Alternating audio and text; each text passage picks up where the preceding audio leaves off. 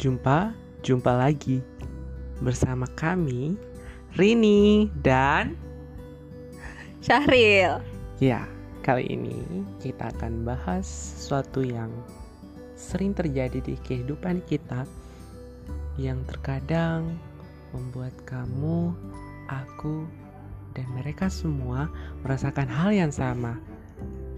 Oleh karena itu, bagi kamu yang baru merasakan pengalaman ini, marilah kita sharing dan berbagi tips untuk melewati segala momen indah dalam hidup.